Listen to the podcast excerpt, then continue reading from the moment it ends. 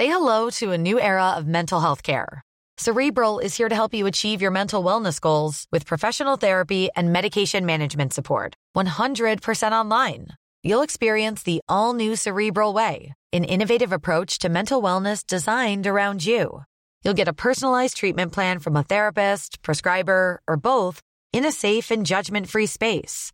Your cerebral therapist or prescriber will outline a customized plan with clear milestones along the way so you can get to feeling your best. With Cerebral, you're not alone in your mental health journey. We're here to empower you to live a fulfilling life. So take that first step towards a brighter future and sign up today at cerebral.com slash podcast and use code ACasts to get 15% off your first month. Offer only valid on monthly plans. Other exclusions may apply. Offer ends July 31st, 2024. See site for details. Millions of people have lost weight with personalized plans from Noom, like Evan, who can't stand salads and still lost 50 pounds. Salads, generally, for most people, are the easy button, right? For me, that wasn't an option. I never really was a salad guy. That's just not who I am. But Noom worked for me. Get your personalized plan today at Noom.com. Real Noom user compensated to provide their story. In four weeks, the typical Noom user can expect to lose one to two pounds per week. Individual results may vary.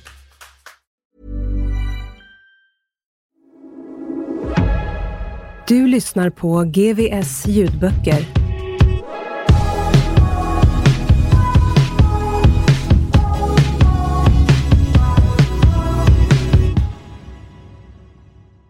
Gäststjärnan.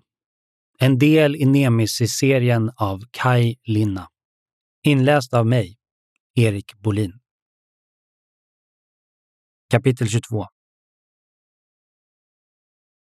Om en person ger sig iväg på en hypotetisk resa som tar honom ut i världsrymden, där han sedan färdas i en vid cirkel i överljusfart, kan han enligt Albert Einsteins relativitetsteori, när han återvänder till jorden, ha färdats bakåt i tiden och därmed anlända i en tid för att se sig själv åka iväg.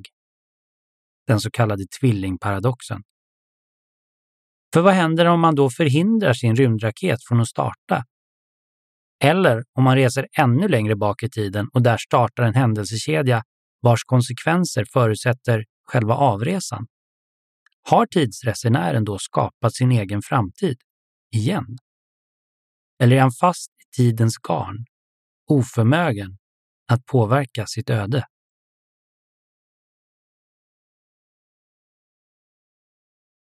Den första biten följdes som åt uppströms längs med floden Huchilaga. Mohikans medicinman hade tillverkat kraftfulla vampuns åt dem för att underlätta deras resa på huronernas marker och skydda mot faror på färden. Framme vid Ottavafloden delade de upp sig i två grupper. Takak och Unkas fortsatte upp för Hochelaga medan Peter och Eida tog av i nordlig riktning. Det de skulle försöka göra kändes nästan omöjligt. Men om de kunde få ett slut på kriget var det värt deras ansträngningar. Peter anade vid det här laget, nästan omedvetet, att hans egen närvaro satt saker i rörelse, händelser bortom hans egen kontroll. Tanken skrämde honom. Det var framförallt på kvällarna när han skulle somna vid lägerelden. Då bilderna från hans egen tid blandades med bilder från denna värld som han ängsligt frågade sig om det fanns en mening som var större än han själv, men samtidigt en mening som skulle gå förlorad utan hans frivilliga medverkan. Efter några dagars paddlande uppför det isiga Ottawa fick de kontakt med de första huronerna. Ungefär samtidigt som Eida och Peter stod framför huronernas ålderman, Dagano Oanda, hade Dakako Unkas nått fram till Onondaga-stammens byråd. De 32 bitarna som Peter och vikingen Eida med mycket möda lyckats tillverka av det som en gång varit ett stort svärd satt nu monterade på åtta par egentillverkade skridskor. Med sig hade de också en uppsättning om två bollar tillverkade av hårt snodda läderremmar och tio klubbor av böjt eller huckat trä, som Eida sa. Dagana Oanda betraktade förvånat vad som blivit av den mäktiga metallkniv som orsakat hans sons död. När han sedan bevittnat hur hans ännu levande söner snabbt lärde sig glida fram på isen, samtidigt som de kämpade om en liten boll av djurhud övergick hans förvåning i fascination. Han hade sedan överraskat både Peter och Eida genom att genast gå med på deras förslag. Aldrig hade de väl kunnat tro att det hela skulle gå så lätt. Hela idén hade känts nästan absurd. Att få slut på kriget genom att erbjuda huronerna att spela en match i något de tidigare aldrig hört talas om. Det enda krav Daganuanda ställde var att Kin Kin måste vara med bland Onondagas spelare. Hans hat mot Kin Kin hade inte dämpats, men kriget hade skördat många liv, även i hans hus. Och den lösning som Eida nu kom med var en utmaning som tilltalade Daganuanda på många sätt. Han var själv för gammal för att delta men kunde tydligt se att detta spel var en kamp som kunde föras som om det vore ett krig i alla dess former och i all dess betydelse, men utan att fler av hans söner behövde dö.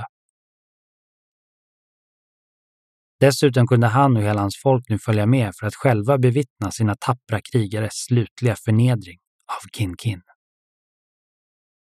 Efter att bud kommit om att även Onondaga gått med på att delta i den osannolika matchen bestämdes det att den skulle äga rum vid Ontarios norra strand, vid platsen där huronernas by bränns ner under krigets första dagar. Reglerna hade satts till ett minimum för att inte krångla till det i onödan. Inga vapen och inga slag med klubban ovanför knäna var tillåtna. Bollen fick inte hållas fast med handen. De som flest gånger lyckades föra bollen innanför motståndarnas grindstolpar innan solen gått ner skulle utses till krigets segrare. Det var allt. I väntan på matchen stannade Peter och Eida kvar och firade midvinterceremonin hos huronerna. Dels för att hjälpa till med träningen och vårda utrustningen, men även för att försäkra sig om att ingen skulle övertala Daga Noanda att svika sin överenskommelse och åter falla in på krigets stig. Huronernas medicinman, Hankata, som även han varit med vid Akkas grotta vintern innan, hade en egen variant på skjuta på solen-ceremonin. Hans krigare dansade med sina spjut runt en stor eld i mitten av ceremoniplatsen.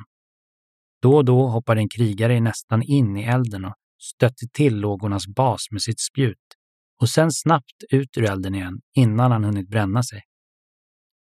De som utmanade elden på det mest vågade viset erhöll uppskattande tillrop av huronerna och präktiga brännsår att stolt visa upp dagen efter.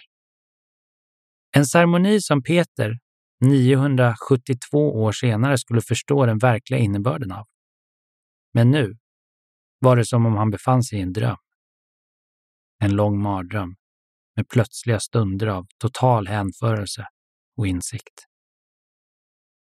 Fem dagar senare var det dags för den avgörande kampen.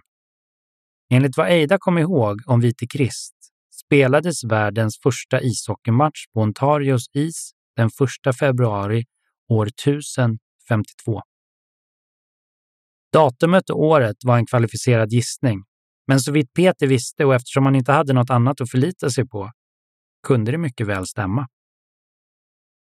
Och så länge det inte fanns någon annan som kunde bevisa motsatsen bestämde sig Peter i egenskap av självutnämnd observatör av detta historiska ögonblick för att detta stämde.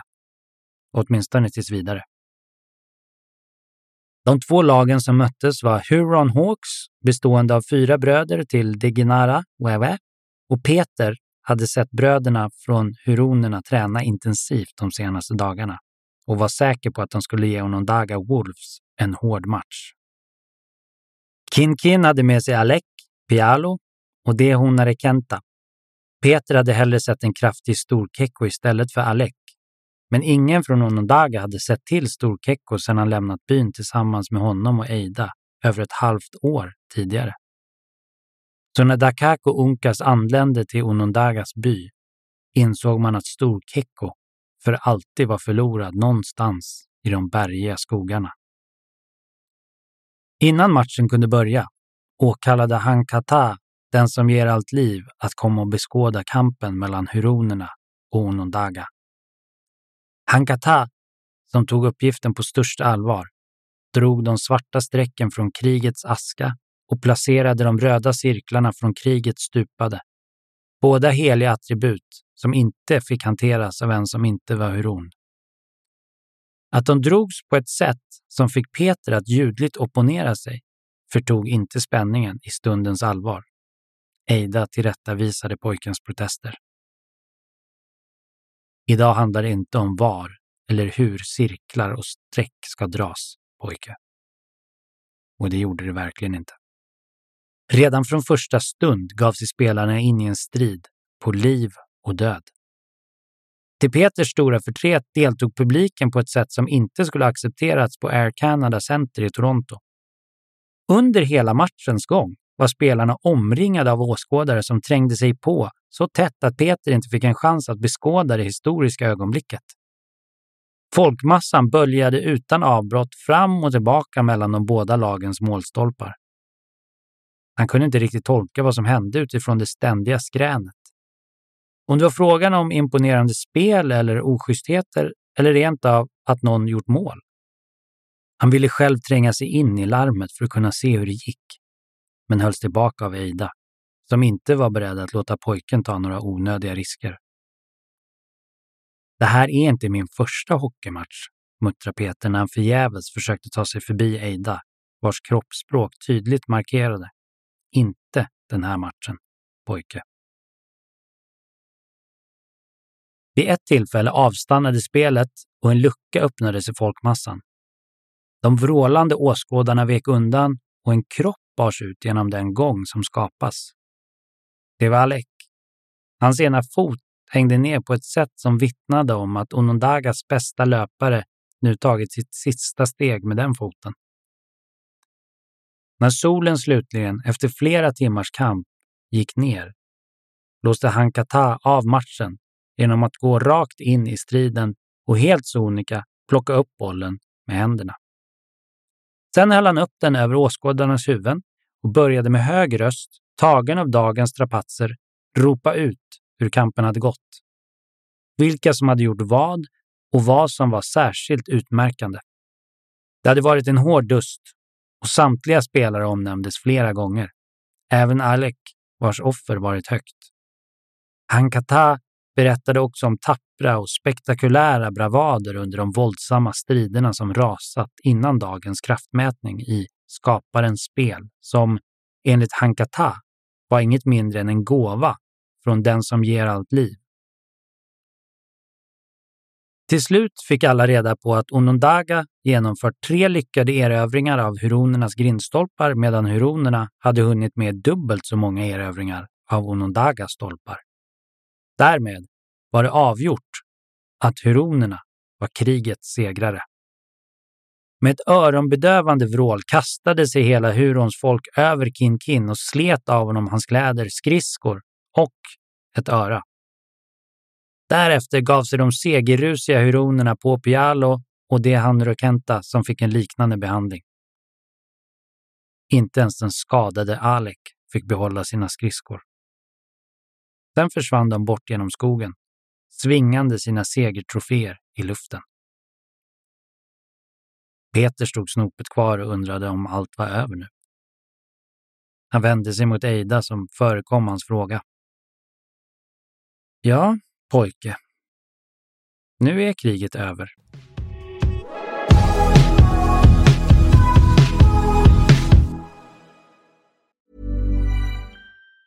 Say hello to a new era of mental health care. Cerebral is here to help you achieve your mental wellness goals with professional therapy and medication management support. 100% online. You'll experience the all new Cerebral Way, an innovative approach to mental wellness designed around you. You'll get a personalized treatment plan from a therapist, prescriber, or both in a safe and judgment free space. Your cerebral therapist or prescriber will outline a customized plan with clear milestones along the way so you can get to feeling your best. With Cerebral, you're not alone in your mental health journey. We're here to empower you to live a fulfilling life. So take that first step towards a brighter future and sign up today at cerebral.com slash podcast and use code ACasts to get 15% off your first month. Offer only valid on monthly plans. Other exclusions may apply. Offer ends July 31st, 2024. See site for details. Tired of ads barging into your favorite news podcasts? Good news. Ad-free listening is available on Amazon Music for all the music plus top podcasts included with your Prime membership. Stay up to date on everything newsworthy by downloading the Amazon Music app for free or go to amazon.com slash news ad free. That's amazon.com slash news ad free to catch up on the latest episodes without the ads.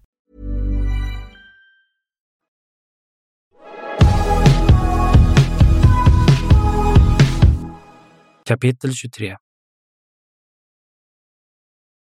I Ohiodalen, inte långt från själva floden med samma namn, ligger Serpent Mound. En över 400 meter lång och på sina ställen en meter hög orm som tycks vara i färd med att sluka vad som av sakkunniga tolkas vara solen eller möjligen ett ägg. Arkeologer har med hjälp av C14-metoden daterat byggandet av detta nationalhistoriska landmärke till omkring år 1070 plus minus 70 år. Enligt legenden, Berättade av bland andra irokeser och Lenni Linneapi byggdes ormen av ett folk som kom från Alhendjedalen. Varför denna enorma orm byggdes förblir dock en arkeologisk gåta.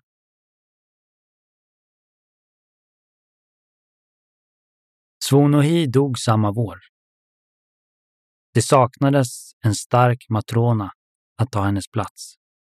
Men byn var i alla fall enig om en sak. Kin Kin kunde inte längre vara hövding, nu när huronerna gjort honom och hans män till kvinnor.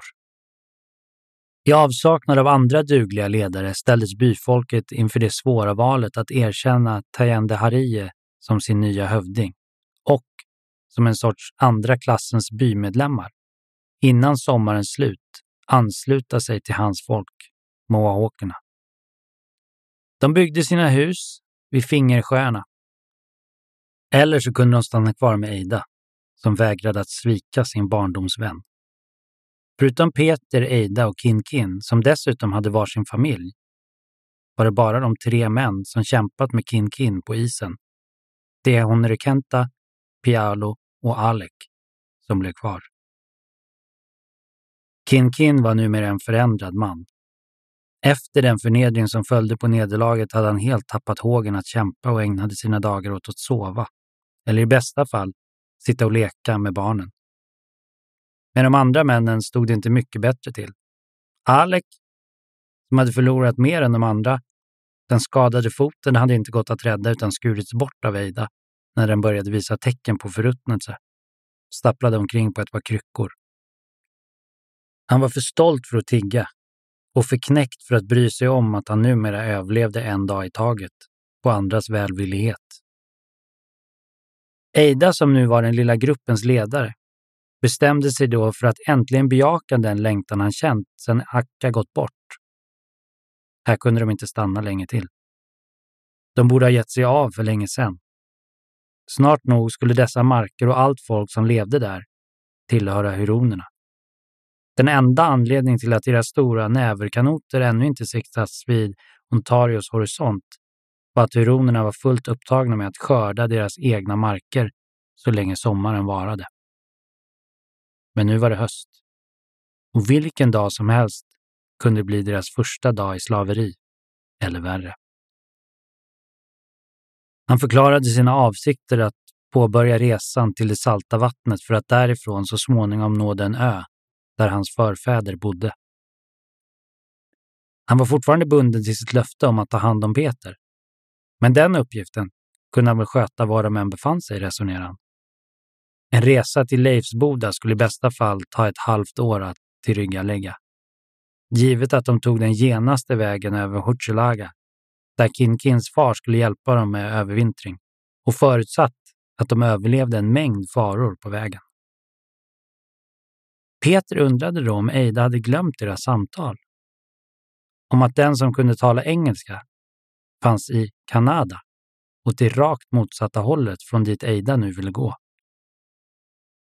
Enligt Eidas egna ord förhöll det sig ju så att den som kan mitt språk bättre än du även borde kunna hjälpa mig bättre än du. Det har jag förvisso inte glömt pojke. Men vad du inte vet är att vi inte skulle mottas lika gästvänligt av Canastego som fallet var när Akka vandrade med oss. När Peter då föreslog Akkas grotta som övervintringsläger tittade Eida på honom som om även han hade tappat livsgnistan. Ska vi bo i en grav, menar du? Tror du att Akka skulle ha något emot det? hade Peter då svarat. Det skulle hon förvisso inte, tillstod Eida och påminde sig om sitt löfte till Akka om att låta pojken pröva alla vägar han ville för att hitta den rätta vägen hem. Sen insåg han att pojkens förslag inte var så tokigt när allt kom omkring. Resan mot en övervintring i Huchulaga kunde sluta i ond, bråd död. Kin Kin skulle få det svårt att överleva en längre vistelse i staden, där det fanns gott om huroner. De skulle inte ge honom en lugn stund utan att ansätta honom tills han likt en galen hund som har retats en gång för mycket skulle gå till anfall och gjort dem alla olyckliga. I Akkas grotta, där hon själv överlevt ensam i otaliga vintrar, skulle de visserligen ha det trångt, men det skulle vara varmt och tryggt och det fanns villebråd i de omgivande bergen som skulle kunna hålla svälten borta. Men de skulle vara tvungna att ge sig iväg nu, för den här gången skulle de inte ha några kanoter som väntade på dem uppe vid Alhenjeplatån. Så vandringen till grottan skulle ta minst ett månvarv. Men de skulle trots Alaks amputerade fot och de små barnens begränsade förmåga att ta sig fram hinna till grottan i god tid för att kunna förbereda sig inför vintern. När vintern var som mörkast och kallast fick de besök. Sen Kanadas kung, Canastego, hade hört talas om deras utsatta läge och skickat 20 krigare med tio mansbörder med fint majsmjöl till Akkas grotta. Jag kommer med ett bud till Oneida, klippans folk, sa den man som ledde krigarna och förklarade för Eida att Canastego beslutat sig för att hedra Akkas liv och gärningar genom att förena broderfolket och sen i Kanada med att låta bygga ett skjuta på solen-monument. Canastegos gåva till sina undersåtar skulle resas på den plats dit Senecanada och Oneida hade lika lång väg att färdas. Kanadas överstepräst, Chikatahae, hade dock menat att det inte kunde bli fråga om en bira. Det skulle bli alltför kostsamt och tidskrävande att uppföra ett så stort monument så långt från Kanada. Istället hade Chikatahae föreslagit och övertygat Kanastego att ormguden Uktena var ett mera lämpligt val. Sedan ett år tillbaka håller nu Senekanadas folk på med att uppföra denna jätteorm som med sina fem pillängder blir så stor att endast Oktena och solen själv kan överskåda hela dess omfång. Det mesta av solen och ormens kropp kommer att bestå av uppskottad jord. Det arbetet går så fort framåt att man redan har påbörjat detaljerna med Oktenas vingar som görs i trä. Monumentet beräknas vara helt färdigt lagom till jordgubbsceremonin. Mannen gav en signal åt bärarna att ställa ner korgarna med majsmjölet och placerade sedan sina krigare mellan Eida och korgarna. Chikatae frågar om det är möjligt för Eida att övervaka slutförandet av detta bygge samt själv leda invigningen under jordgubbsceremonin, då Chikatahae börjar bli för gammal för att företa långa resor och dessutom behöver närvara vid Kanadas egna firande av denna årets längsta dag.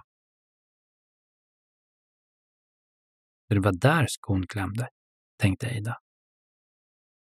Han kunde ana Chikatahaes hand bakom både gåvan med majsmjölet och hedrandet av Akka.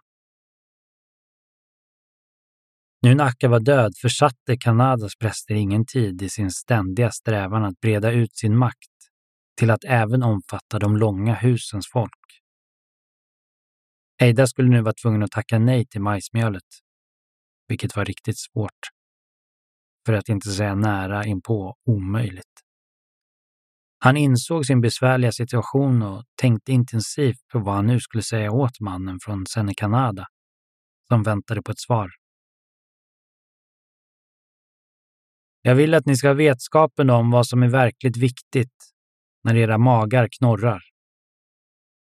Orden från Akka pockade irriterande på där Eida försökte finna en väg ut. En väg som helst slutade i Leifsboda och inte flera veckors vandring åt det rakt motsatta hållet. Om två vargar krigar i ditt bröst vinner den varg du själv föder, fortsatte den inre rösten. Men hur skulle han överhuvudtaget kunna föda någon av dessa två vargar? Om han tackade ja till Chiquitahaes erbjudande skulle han samtidigt ge sitt stöd åt den kätterska irrlära med tillbedjan av ormar och människooffer som Akka under hela sin levnad avskytt och bekämpat. Om han däremot tackade nej skulle majsmjölet vandra deras näsa förbi. Det var dessutom mycket troligt att Senecanadas män inte skulle lämna dem med livet i behåll. Chikatahae och hans präster måste ha förstått att om Akkas lärjunge tackade nej till mjölet så innebar det även att Eida var en alltför farlig man som de inte kunde låta leva vidare för att ta över Akkas plats som deras ständiga belackare. Han såg att mannen framför honom, för varje andetag som gick och inget svar kom över hans läppar, greppade sitt spjut allt hårdare. Då infann sig helt plötsligt en stor lättnad i hans bryderi när han insåg att Akka fortfarande ledde hans steg. Han slappnade av märkbart, vilket även fick männen framför honom att ljudligt släppa ut luften ur lungorna och inta en mera ledig hållning. Eida hade bestämt sig för sitt svar och sen fick det gå som det gick. Svaret fanns där, rakt framför honom. Det enda han behövde göra var att fråga efter det. Åt vilket håll pekar ormgudens huvud? frågade han leende den förvånade mannen som svarade mot solens viloplats. Det pekar västerut. Ikväll får barnen hominy, bestämde Eida. Till sen Kanadamännens stora lättnad. Eida vände sig om och gick in i grottan för att inte öppet visa den besvikelse han kände när han nu insåg att han kanske aldrig skulle få återvända till Leifsboda. Hans framtid var beseglad av Akkas sista ord. Följ Quetzalcoatl. Följ den befjädrade ormen. Gäststjärnan av Kaj Linna kan du lyssna på i sin helhet utan reklam på Storytel. Tired of ads barging into your favorite news podcasts? Good news. Ad-free listening is available on Amazon Music for all the music plus top podcasts included with your Prime membership.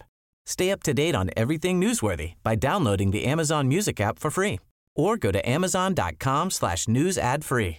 That's amazon.com slash news ad free to catch up on the latest episodes without the ads.